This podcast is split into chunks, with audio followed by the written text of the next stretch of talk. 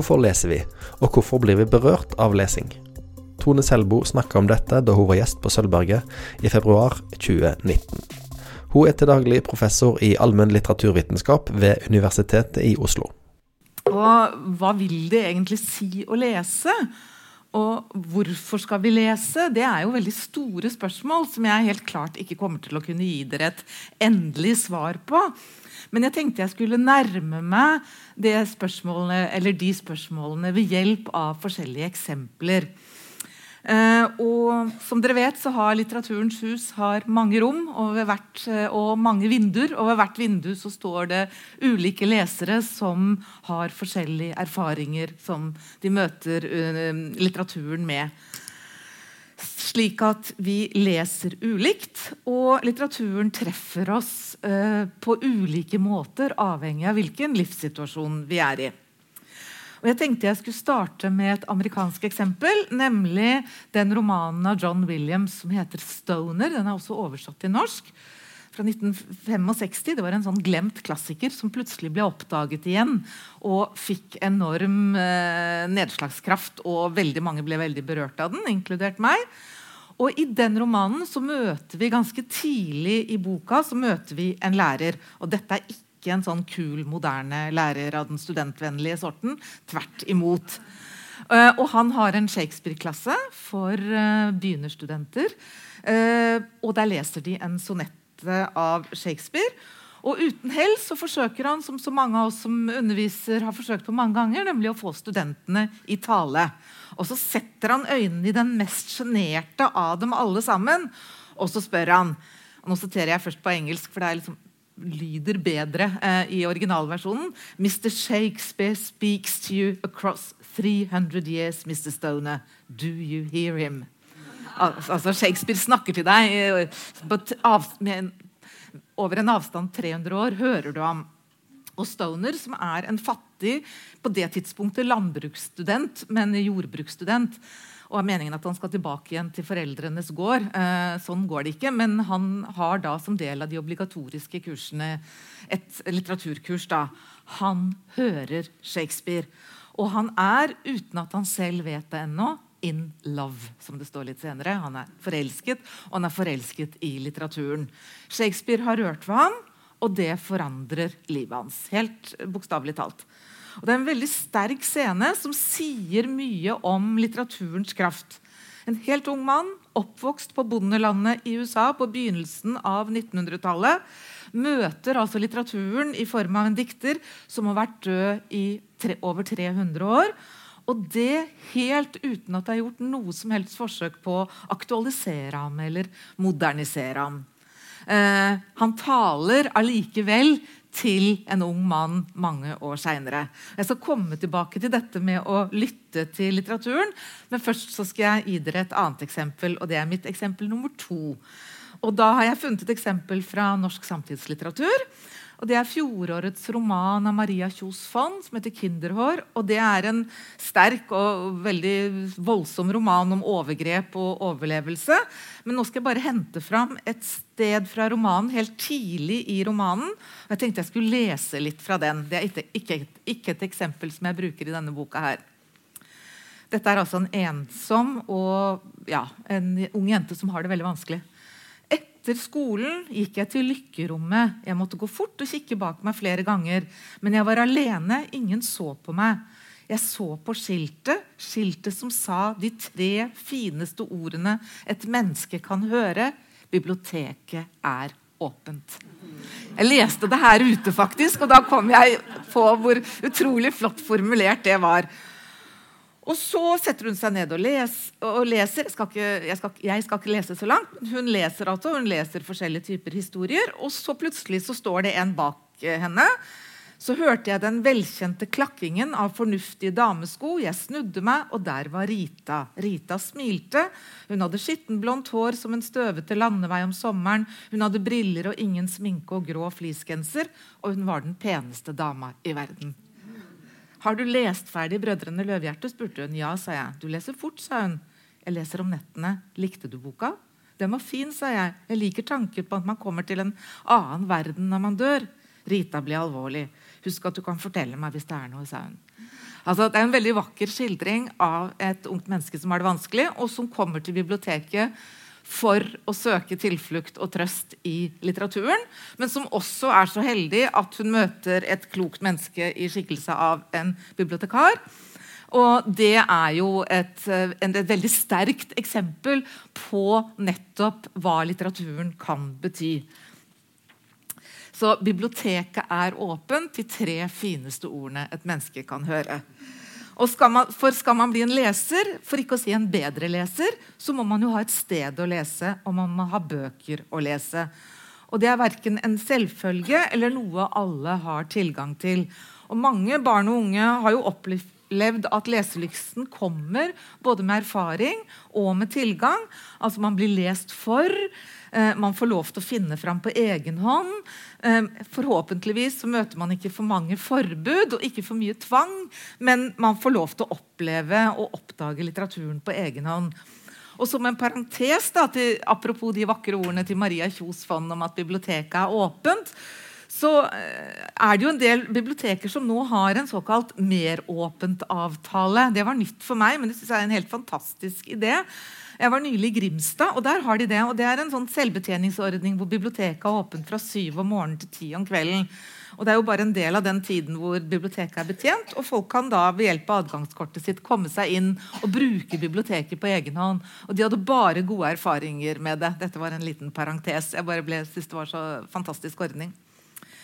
Selv så hører jeg ikke til dem som kan skryte av at jeg leste Dostojevskij da jeg var fire. liksom. Eh, tvert imot. Jeg leste 'Frøken Detektiv', og jeg leste Fembøkene, og jeg leste Annefjord Bjørkli og forskjellige typer klassikere, sånn som Oliver Twist og 'Greven av Monte Cristo' i forkortede barneutgaver.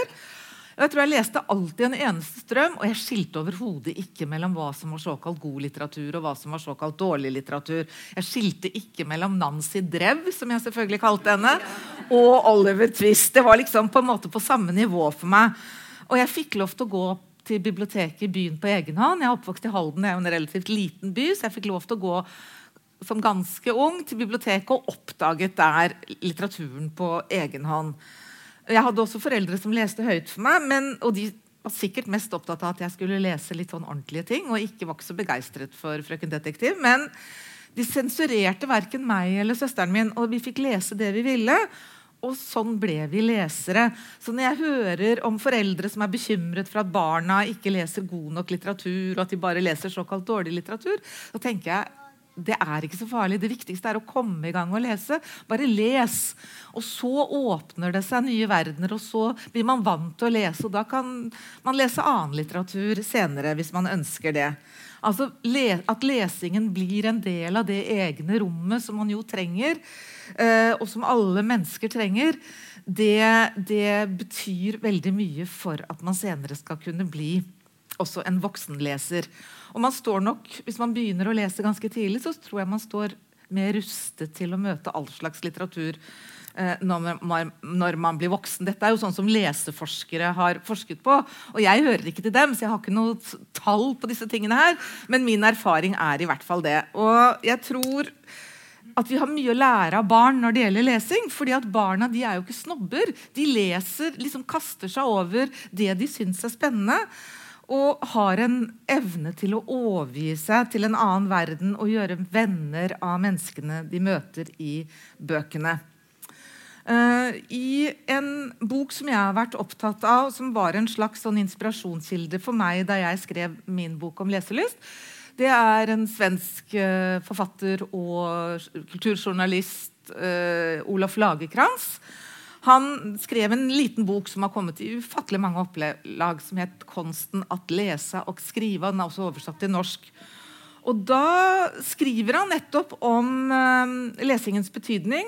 Og Han skriver et sted der at i det øyeblikket det blir definert som fint å lese, som noe som setter leseren i en høyere klasse enn andre, er katastrofen nær. skriver Lagerkrantz. Da er boka i faresonen.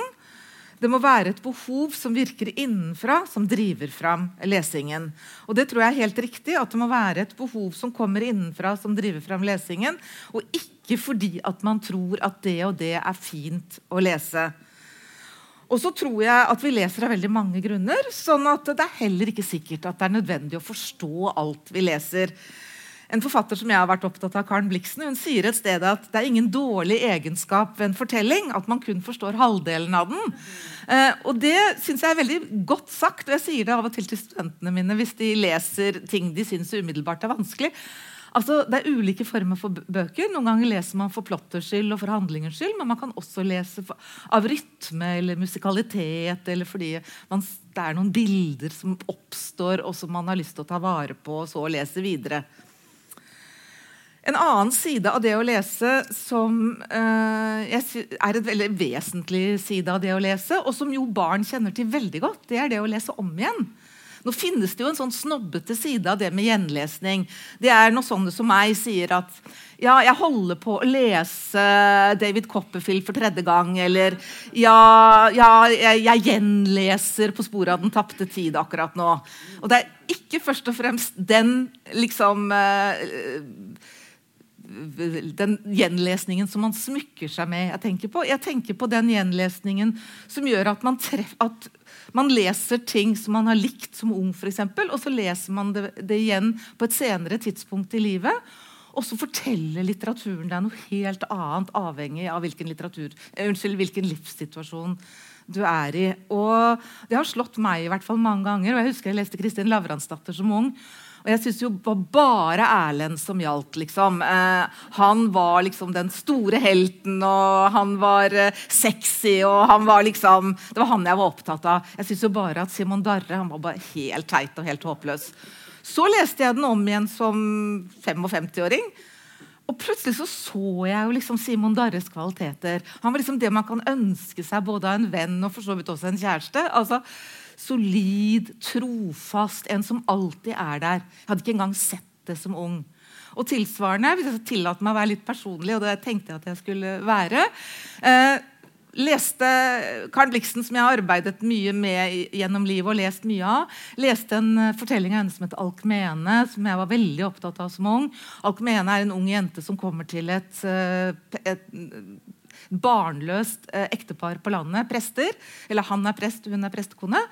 Og, og Alkmene er en opprører. Jeg identifiserte meg utelukkende med Alkmene da jeg leste den første gang. Så leste jeg den om igjen som godt voksen i en fase hvor jeg selv ønsket meg barn og skjønte at jeg ikke kom til å få barn. Og da står det om, eh, om, eh, om prestekonen. Hun sammenlignes med Rakel i Det gamle testamentet. Gi meg barn, ellers dør jeg. Jeg hadde ikke engang sett det da jeg leste som ung. Det var helt utenfor min horisont. Og Sånn er det jo med god litteratur. At den snakker til oss på ulike måter, avhengig av hvor vi er i livet. Og Da kommer jeg tilbake til dette med barn igjen. For barn elsker jo å lese om igjen. Og de, selv før de kan lese, så kan de jo ofte fullføre eh, en fortelling hvis de har lest den mange ganger. Selv om de ikke selv kan lese ordene, fordi de elsker det der de kan utenat, og som de kjenner igjen. Eh, og så har jeg ofte tenkt på det der at vi sier sånn Ja, nei, den har jeg lest. Man gjør jo ikke det med musikk. Nei, Jeg har hørt eh, Matteus-personen. Ja, nei, Bach han hørte jeg i fjor, så han trenger jeg ikke høre igjen. Det er jo helt utenkelig. Men med litteratur så er det jo sånn at liksom, nei, den har jeg lest, så den er jeg ikke noe interessert i å se på igjen. Vi kan jo bare leve ett liv, dessverre, men lesingen gir oss muligheten til å ta del i mange flere. Og og det er jo ikke så uvanlig å tenke på lesingen som en reise. Eh, som eh, at den som leser, forflyttes og sitter kanskje bare i lenestolen hjemme, men eh, er på en måte med de personene han eller hun leser om, eh, og er med på en slags reise. Og her kommer mitt eksempel fire, og det er fra Roald Dahls 'Matilda'. Og det er jo, i likhet med Maria Kjos Fonds hovedperson, et annet forsømt barn. En helt annen type bok. Men hun oppdager nemlig også biblioteket, hun lille Matilda. Og hun jo, har foreldre som ikke akkurat er gode foreldre, for å si det mildt. Og hun søker tilflukt på biblioteket og er selvfølgelig også en litt irriterende liten jente. for hun leser liksom, Det er ikke måte på hva hun leser i en alder av fire år. Men hun treffer også liksom, to gode mennesker. Det er, og det er jo sånne kjernemennesker uh, skal man bli oppmuntret til å lese. Bibliotekaren og læreren. Uh, og så skjønner hun at hun kan låne med seg bøker hjem. Uh, og da sitter hun i lenstolen på det lille rommet sitt og leser. Og jeg leser fra Matilda. Bøkene tok henne med seg til nye verdener, og hun ble kjent med fantastiske mennesker som opplevde de merkeligste ting. Hun dro med gammeldags seilskip sammen med Joseph Conrad. Hun dro til Afrika sammen med Ernest Hemingway og til India med Rudyard Kipling. Hun reiste verden rundt mens hun satt i det lille rommet i den engelske landsbyen. Så Matilda gjør det mange lesere har gjort både før og etter henne. Hun reiser i litteraturen, og hun gjør det for å komme andre steder hen. Og hun gjør det for øh, å få trøst. Men uten å forflytte seg geografisk. Og tar del i andre liv enn sitt eget. Og så skaffer hun seg jo selvfølgelig både kunnskaper og erfaringer på den måten. Og hun skaffer seg også eh, noe man kan kalle et indre bibliotek. Og det er jo et sånt bibliotek som vi alle bærer med oss når vi har lest gjennom eh, noen år. Og som på en måte består av sitater, brokker, ofte feilsitater også. Altså Som er et sånt mentalt rom med alt vi har lest, og som vi henter, og som vi også kan finne tilflukt i. Så jeg ser at det er flere leseforskere som snakker om dette. Et indre bibliotek eller et mentalt bibliotek. Det finnes forresten en veldig morsom bok som er oversatt til norsk eh, av en franskmann som heter Pierre Bayard. Og Den heter 'Kunsten å snakke om bøker man ikke har lest'. Eh, og den er sånn og han har sånne helt finurlige systemer av liksom, de bøkene jeg har lest, de bøkene jeg ikke har lest, de bøkene jeg tror jeg har lest, uh, de bøkene jeg tenker at jeg en gang skal lese. Uh, og ofte så uttaler vi oss jo om bøker vi ikke har lest, fordi vi tror nesten at vi har lest dem fordi at uh, det er så mange som har snakket om dem. og vi syns vi kjenner dem selv om vi ikke gjør det. Og noen ganger så later vi som vi har lest ting vi ikke har lest, rett og slett fordi vi syns det er litt flaut at vi ikke har lest det. Um, og han, har, og han, skammer seg da. Han påstår jeg må si, jeg tror ikke helt på ham, men han underviser på et universitet i litteratur og påstår at han har undervist i Ulysses i alle år uten noen gang å ha lest den. Men uh, om det er tilfellet, det vet jeg jo ikke. For de fleste så er vel lesingen en stillehandling. Noen ganger er det en nøyaktig refleksjon over ordene på siden. Andre ganger så er det noe vi sluker i selskap med eh, andre, eller helst i selskap med oss selv. Det hender jo at man sitter sammen med andre og leser. Uh, men det er, uh, det er uansett en privat aktivitet, men som på en måte overskrider det private fordi at det blir noe som er større enn meg. Jeg møter verdener som ikke er mine. Så når vi i dag snakker om lesing, så er det, nesten, er det jo nesten uten unntak innatlesing vi snakker om.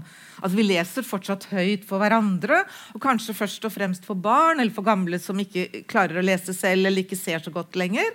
Men ordet lesing det gir jo automatisk for de fleste av oss tror jeg, assosiasjoner til en ensom og stille aktivitet.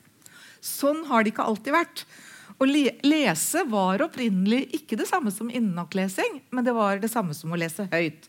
Og Det første eksempelet vi kjenner til, um, og som vi har når det gjelder stillelesning, det er fra ca. 400 år etter vår tidsregning, og det er kirkefaderen, kirkefaderen må man kanskje si, Augustin. Og Her er mitt eksempel nummer fem, for han forteller i sine bekjennelser om biskopen Ambrosius, som Augustin sitter og ser på. Og han sitter med en rull, og han leser, og han leser helt stille. Helt uten å åpne munnen. Og Det hadde Augustin aldri sett før. Og han skriver i sine bekjennelser når han leste, løp blikket hans nedover siden, men stemmen hans var taus, og tungen hans var ubevegelig. Sånn at Ambrosius han gjør det som for oss i dag er en selvfølge, men som slett ikke var det for Augustin og hans krets. Og Ambrosius leser altså inni seg, og det gjorde ikke Augustin. Han prøver seg på dette eh, etter at han har sett en annen gjøre det. Og Her kommer jeg med en ny liten parentes. og det er at Når man snakker om leseteknikker da, Man kan jo si at stillelesing er jo en leseteknikk.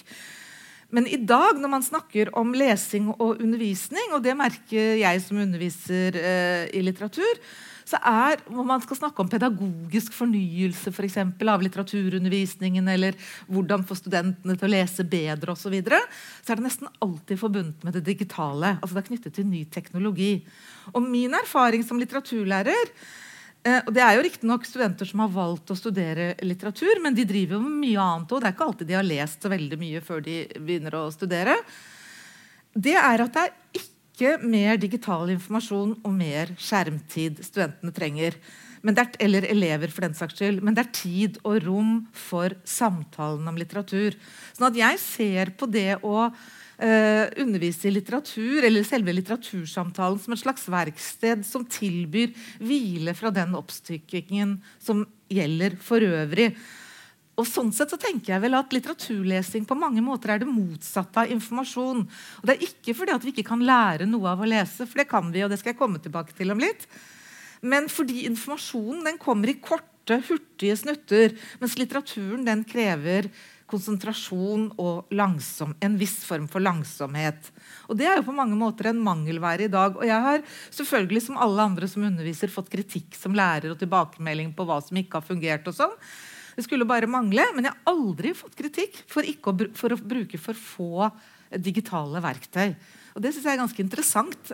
Og Jeg snakket med en kollega av meg i England for ikke så lenge siden. og Hun sa hun hadde spurt eh, studentene Hun underviser både på skole og på universitet. Og hun hadde fått samme svaret både av videregående elever og av litteraturstudenter. Hva var det de savnet? More face, sa de. Og det var ikke Facebook de mente. Eh, det var mer tilstedeværelse. Og kritikken av litteraturlesing og litteraturstudier eller det å sitte sitte med en bok og trekke seg tilbake med en bok. Det kommer jo ofte fra folk som mener at litteratur det er sånn tidtrøyt. og Dette er noe vi gjør når vi ikke har noe annet å gjøre. og Det har lite med det levende og praktiske liv å gjøre. og Premisset er jo gjerne at skjøn, lesing av skjønnlitteratur det er helt irrelevant for å forstå verden i dag. Eh, det hører man jo ganske ofte. Jeg hører det i hvert fall ganske ofte. Og Da har jeg tenkt å ta to eksempler som jeg også har brukt tidligere, men ikke i denne siste boka. Og De er begge fra høst, her for noen få år tilbake. Og Det første eksempelet er fra den britiske avisa The Guardian. Og Der var det en uh, artikkel med følgende overskrift. 'Hvorfor jeg har sluttet å lese romaner'. 'Why I've given up reading novels' av so, Williams. Og Hun er en av avisas egne kommentatorer. og Poenget hennes var rett og slett at den i en tid og en verden som mer enn noen gang domineres av dårlige nyheter, så er det uansvarlig å slappe av med oppdiktede historier om mennesker som ikke er virkelige. Og Teksten er veldig typisk for Dagsavisenes lørdagsbilag. Altså, den er underholdende, den er personlig den har, og den er sarkastisk, men den har veld, et veldig klart budskap. Skal du forstå noe av verden, må du lese faktabøker, ikke fiksjon. Romaner er avslapning. Romaner kan ikke lære, Skjønnlitteratur kan ikke lære oss noe om den verden vi lever i. Og skjønnlitteratur er ikke for dem som virkelig vil noe. Og det er jo ganske påfallende at en profilert feministisk kommentator iscenesetter seg selv som uvitende kvinne og gir litteraturlesingen skylden. Og det ligger jo farlig nær å tenke seg at skjønnlitteratur romanlesing, det er en kvinnegreie som de eller vi bør slutte med jo før jo heller. Så hun fremstiller seg som en sånn ignorant idiot som ikke har forstått noen ting de siste 20 åra, for hun har vært altfor opptatt av å lese Martin Bloody Amis. Og Martin Amis han er en kjent engelsk eh, romanforfatter og sønn av en annen romanforfatter. Og nå har hun altså sett lyset og begynt å lese innføringsbøker i økonomi. Og så Samme høst, samme uke faktisk, så var det et tilsvarende eksempel i Morgenbladet. Og Det var et intervju med Kristin Halvorsen i forbindelse med at hun skulle gå av som partileder. så dere skjønner, dette er noen år tilbake. Hun blir spurt om sitt politiske liv og virke, og ett av spørsmålene angår forholdet til Arbeiderpartiet. Og Hun blir spurt gjør det ikke litt vondt når dere gjør Ap mer spiselig for flere. Og Så svarer Kristin Halvorsen det er jo litt irriterende, men hvis det gjør vondt, må du gjøre noe annet. Da må du ta fram strikketøyet eller lese romaner. Og vi forstår jo hva hun mener, men det er interessant og litt irriterende at hun som den feministen hun jo også er, uvilkårlig tyr altså til to sysler som særlig forbindes med kvinner, når hun skal vise til noe som er unyttig og helt ørkesløst. Uh, og Det er jo ikke tilfeldig at det finnes så mange kvinnelige romanforfattere fra liksom, skjønnlitteraturens storhetstid på 1800-tallet, eller den store romanlitteraturens storhetstid på 1800-tallet. Fordi at romanskriving, altså det å skrive romaner var jo en sjelden mulighet for kvinner som ville forsørge seg selv. Og ble jo nettopp sett på som ufarlig og unyttig. Like unyttig som nettopp strikking. Eh, det begge disse kommentarene påstår, det er jo at skjønnlitteraturen er unyttig, ufarlig og i en viss forstand historieløs. Og det er jo interessant, fordi at da fornekter de jo noe som er en, et viktig poeng for meg, i hvert fall, nemlig litteraturens kunnskapsdimensjon. Som nettopp er knyttet til historie, og til økonomi og sosiologi. Eh, og kanskje enda mer problematisk er at de underkjenner litteraturen som en form for eh, Jeg tenker ofte på skjønnlitteraturen som en form for antropologi. altså Antropologi betyr jo menneskekunnskap. En, så det er liksom en slags antropologi i litterær form. Eh, og at det skjønnlitteraturen gjør, er jo å utforske det menneskelige i all sitt mangfold og all sin kompleksitet. Og skjønnlitteraturen gir oss jo tilgang til andre menneskers indre og til tanker og følelser som kan være fremmede for oss og åpner tid og rom. Og er jo ofte psykologi og sosiologi lenge før de fagfeltene hadde funnet sin liksom, plass i, i faglitteraturen. Eller som den italienske forfatteren Claudio Magris skriver Historien forteller om hendelser, sosiologien beskriver prosesser, statistikken tar fram tall, men det er litteraturen som gjør dem begripelige.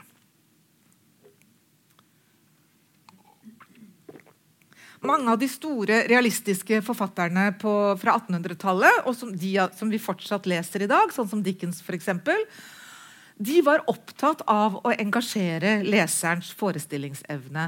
Men de var også veldig opptatt av å vekke det som de den gang kalte for sympati, som vi vel primært kaller for empati i dag. altså det, det, som har blitt kalt den medlidende forestillingsevnen. Altså At man skal liksom leve seg inn i i, i, handling og personer. Og på den måten skal man ikke bare lære noe nytt, men man skal lære å føle bedre. Forestille seg hvordan det er å være en annen.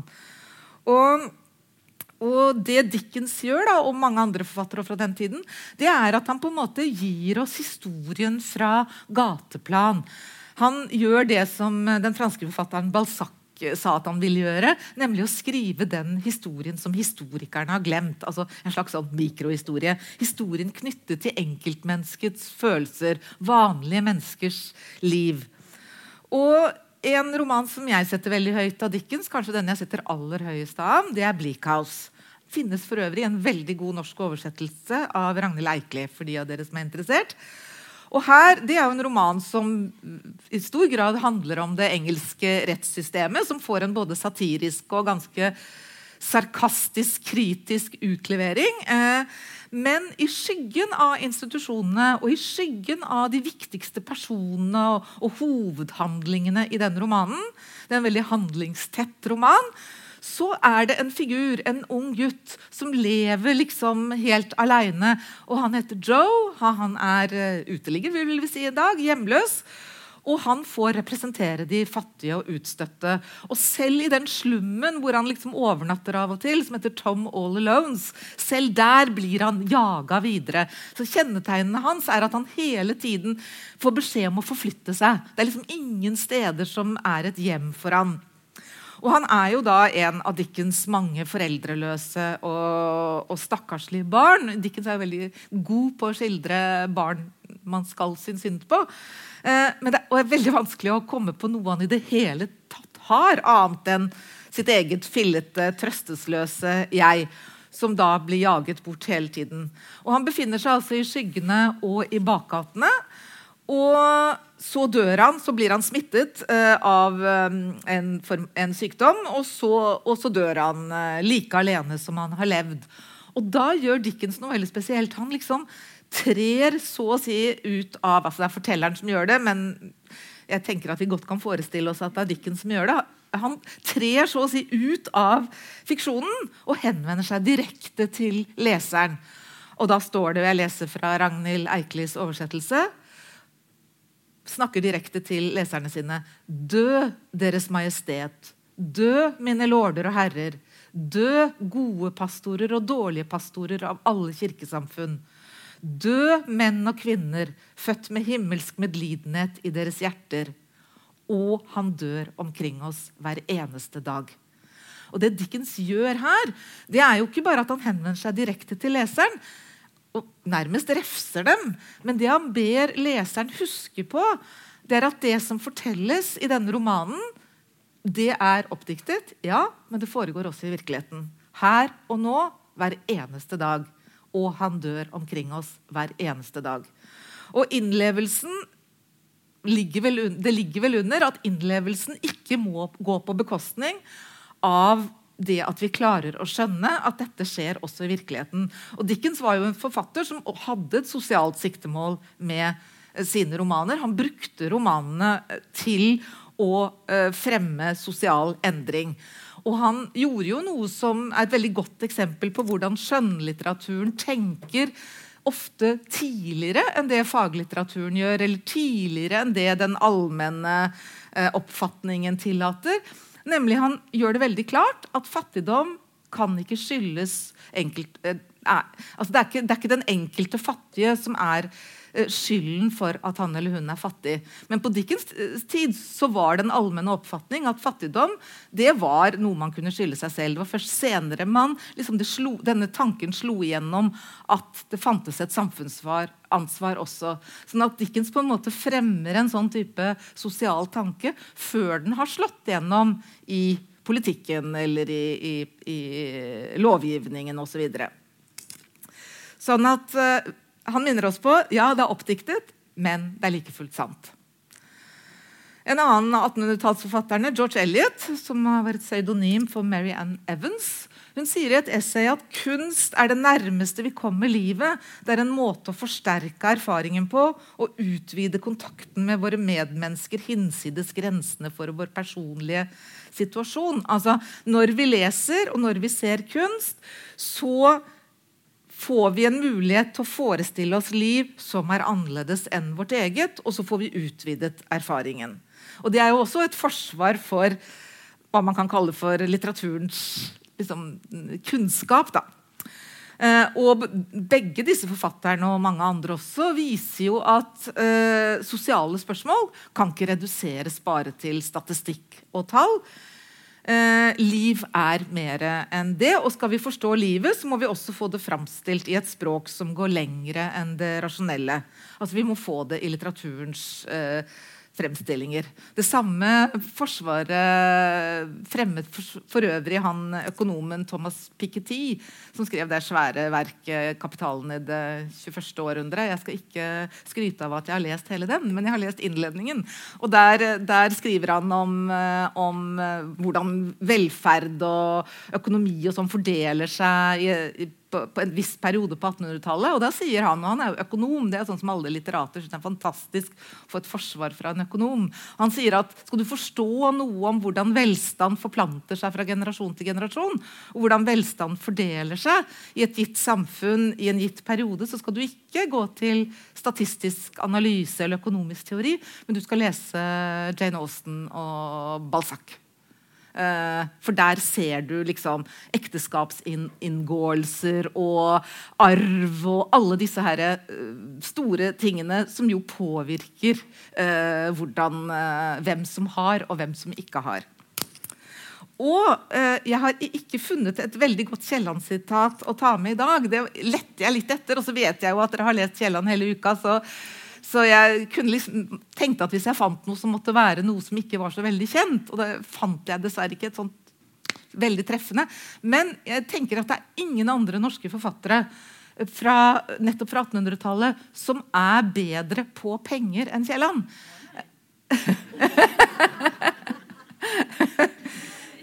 jeg synes Kielland er, han er god på veldig mange ting, men han er også veldig god på pengers betydning og hvordan penger korrumperer og analyserer fattigdom og hudfletter. Nettopp den oppfatningen som var veldig vanlig i samtiden, som forklarer fattigdommen eh, moralsk ved å legge ansvaret på enkeltmennesket.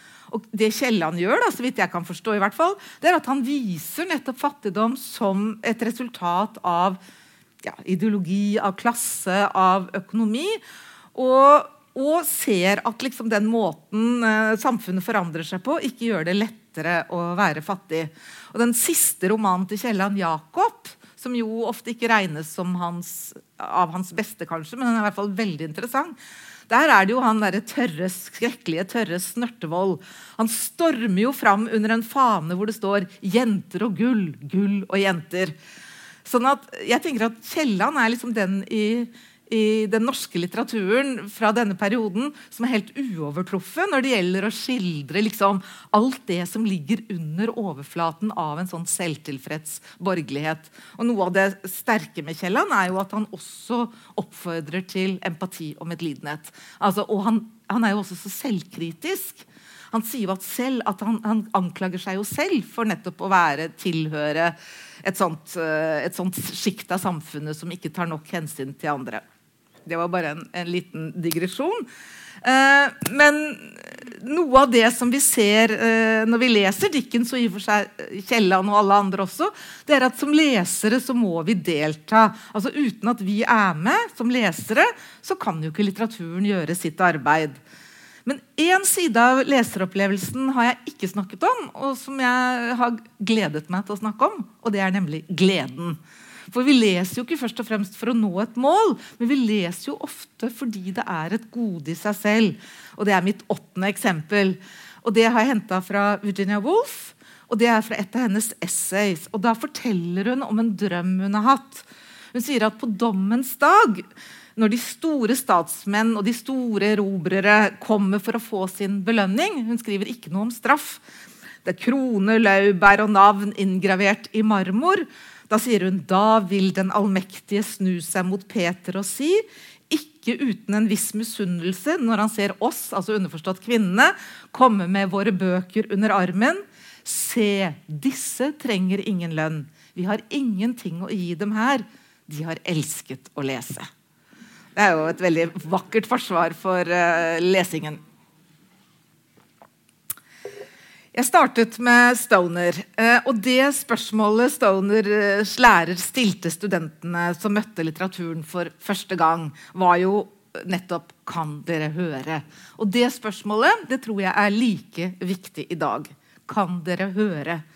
Kjernen i all litteratur er lesingen selv. Og for å lese må vi lytte. Vi må høre etter tekstens stemme. Akkurat som Stoners lærer ba sine studenter om å gjøre. Og det er kanskje ikke minst viktig når det gjelder eldre litteratur, men det gjelder også samtidslitteraturen. Men i hvert fall for litteratur som umiddelbart virker litt vanskelig å forstå. Lytt, hør. Og det er jo et krav som lyder mye lettere enn det er, for det krever lesing, det krever lesetrening for å høre litteraturens stemme. Hvordan bli, bli, en bedre leser, blir jeg ofte spurt. og Jeg så til min forskrekkelse at det også sto her i, i, i um, annonsen for dette arrangementet. Og jeg har i grunnen bare ett svar på det. Og det er å lese og fortsette å lese. Kunsten å lese betyr jo og består jo i å lytte til det litteraturen har å si oss. Lesing er en form for samarbeid mellom leser og tekst, leser og bok. Og Det er noe nesten mystisk i dette samspillet mellom bok og leser. Eh, vi lar oss oppsluke av tegnene på siden, og vi lar blikket gli fra ord til ord og fra setning til setning. Og så har vi nesten umerkelig forflyttet oss til en annen verden, bokas verden, uten at vi helt vet hvor, hva som har skjedd. å verne om litteraturen og lesingen det er en slags slags bolverk tenker jeg, mot glemsel og mot en tid som jo løper mye raskere fra oss enn det vi har kontroll over. Men stor litteratur er jo heller ingen medisin mot angsten. Den kan nok trøste oss, men vi fortsetter å få kjærlighetssorg og være redde for å dø og for å frykte både det ene og det andre. Uh, Dickens og Shakespeare like lite som samtidsforfatterne fjerner den frykten vi alle har for en del sånne store eksistensielle grunnspørsmål. Ensomhet, galskap og død. Eller hvis vi er helt unge, for at ingenting noen gang vil hende. Sånn som jeg opplevde veldig sterkt da jeg var ung. At øyeblikkene kjeder seg hendelsesløse til hverandre uten ende, uten barmhjertighet, som så mange ganger før i livet, som Corazandel skriver. Altså den der følelsen av at Det kommer aldri til å skje meg noen ting. Jeg kommer til å være her resten av livet, og ingenting kommer noen gang til å skje. Uh, og hva er det da de store dikterne kan gi oss når de verken forsoner eller trøster eller danner eller nødvendigvis gjør oss til et bedre menneske heller? Jeg tror, tror dessverre ikke at vi nødvendigvis blir noe bedre mennesker av å lese. Tvert imot, de uroer oss. De får oss ofte til å føle oss fremmede hjemme. Men de minner jo også på at noen har vært her før oss og blåst liv i ordene. De har ikke brukt våre ord eller sett tingene helt på vår måte, kanskje. Men vi har likevel delt noen felles erfaringer. Eller like ofte de har åpnet opp for et blikk, for et nytt blikk på den verden vi tror vi kjenner. Og det er jo ikke så lite. Nå ser jeg at jeg har et, noen få minutter igjen før jeg åpner opp for spørsmål. Så da tenkte jeg at jeg skulle ta en personlig historie til slutt, som jeg også har brukt i denne boka her. Og det eh, er Det handler om det å lage lister over bøker. Eh, det er jo mange som gjør det, som skriver opp det de har lest. Og når de har lest, og eventuelt hva de, hva de, har tenkt når de har lest det. Jeg har dessverre aldri gjort det, og det kommer jeg til å angre på en dag. Og det, altså, Matilda gjør det i Roald Dahls uh, roman. David Copperfield gjør det i David Copperfield av Dickens. Han har en liste over bøker han har lest. Så man ser det også i litteraturen, at litteraturen har lesere som noterer det de har lest. Men da faren min døde i 2010, så, så skulle jeg rydde, jeg og søsteren min skulle rydde huset etter han. Og da, eller etter begge foreldrene mine, som døde begge de to det året. Og da, da fant jeg en perm. Eh, det var en, eh, en tjukk perm. Og på første side så sto det med en litt sånn barnslig håndskrift. Men jeg kjente den veldig godt igjen. Bøker jeg har lest. Og faren min var litt sånn nerdete. Han var historielærer et helt liv. Eh, og leste mye. Men, men liksom, syntes ofte at jeg leste litt sånn snobbete ting. da. Men, eh, men eh, jeg gikk, og den permen, altså den, den leselista hans, den begynte i april 1940. Da var faren min 13 år. Han ble 14 år i mai. Og så gikk den fram til april 2010. Eh, og da har han ført opp absolutt hver eneste bok han hadde lest. Det var nummer, det var forfatter, det var tittel, det var måned og det var årstall. Eh, det var ingenting om hva han syntes om bøkene, men det var bare altså, det var bøker han hadde lest. Og Jeg gikk selvfølgelig rett inn for å sjekke om han hadde lest de bøkene jeg hadde skrevet. Og det hadde han, for det var både faglitteratur og skjønnlitteratur. Han sa jo aldri det til meg at han hadde lest dem, selvfølgelig. Eh, og det var altså 4327 titler i alt. 70 års lesing. Og det var skjønnlitteratur. altså Det var norsk og nordisk skjønnlitteratur. Det var kongesagaene, islending, islendingssagaene. Det var Snorre, og det var fram til Pamuk. Søsteren min er gift med en tyrkisk mann og, som også er interessert i litteratur. så det var ikke så rart han hadde lest Pamuk. Og så var det veldig mange historiske verker.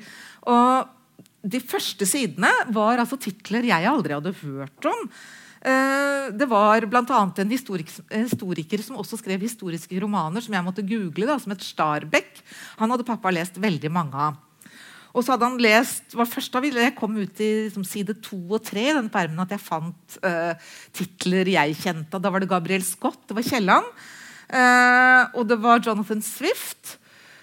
Og så kom, det, var det alle de etablerte norske, altså Ibsen, Falkberget mm, osv. Og, så og så hadde han da på første side så var det to titler jeg kjente igjen. og dette var jo 1940. Det var Hitlers Min kamp, og så var det Hans Falladas i en ulvetid. Så det var liksom to helt ulike, ulike titler. Og det var vanskelig for meg å se om det var noen konklusjon jeg kunne trekke av den lista. Altså jeg visste at han ikke var noe spesielt opptatt av modernistisk litteratur, som har betydd mye for meg. Det var, var, overveiende realistisk litteratur, fortellende litteratur, og så var det historiske ting. Men plutselig så sto, var, var um, Erika Young, 'Fair of Flying', sto plutselig der. Og Den satt jo jeg og leste da jeg gikk på gymnaset, og faren min fnøs høylytt. Syntes det var så tåpelig, men da har han gått og lest den. Men han sa jo aldri det til meg. Så det var noen overraskelser. Men så tenkte jeg liksom jeg gikk gjennom eh, disse sidene så tenkte jeg, hva kan man lære å få vite om et menneske som man tror man kjenner, når man ser på hva det mennesket har lest? Min konklusjon var at ikke så veldig mye. Eh, fordi at jeg kjente jo igjen smaken hans, og jeg fikk for så vidt bekrefta det jeg visste. Så jeg lærte vel sånn sett ikke så mye nytt. Men jeg var jo veldig opptatt av hvilken bok var den siste han hadde lest. For den siste opptegnelsen den var i april, og han døde i, mm, i begynnelsen av juli. Eh, og og da, da, bladde jeg meg da spent fram til den siste siden i permen. Og det var Nils Gilje og Tarald Rasmussen, 'Tankeliv i den lutherske stat', 1537-1814.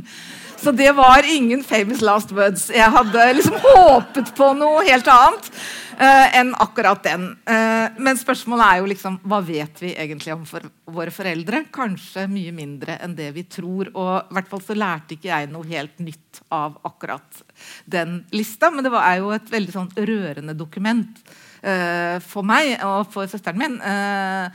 Å se på hvor nøyaktig han har liksom ført opp absolutt alt han har lest. Og, og da ser jeg jo også at noen titler kommer igjen på visse tidspunkt. Kielland kommer igjen flere ganger, f.eks. de samme titlene. Ja, Jeg tror jeg stopper der. Og så, hvis noen har lyst til å stille spørsmål, så er det helt i orden for meg i hvert fall.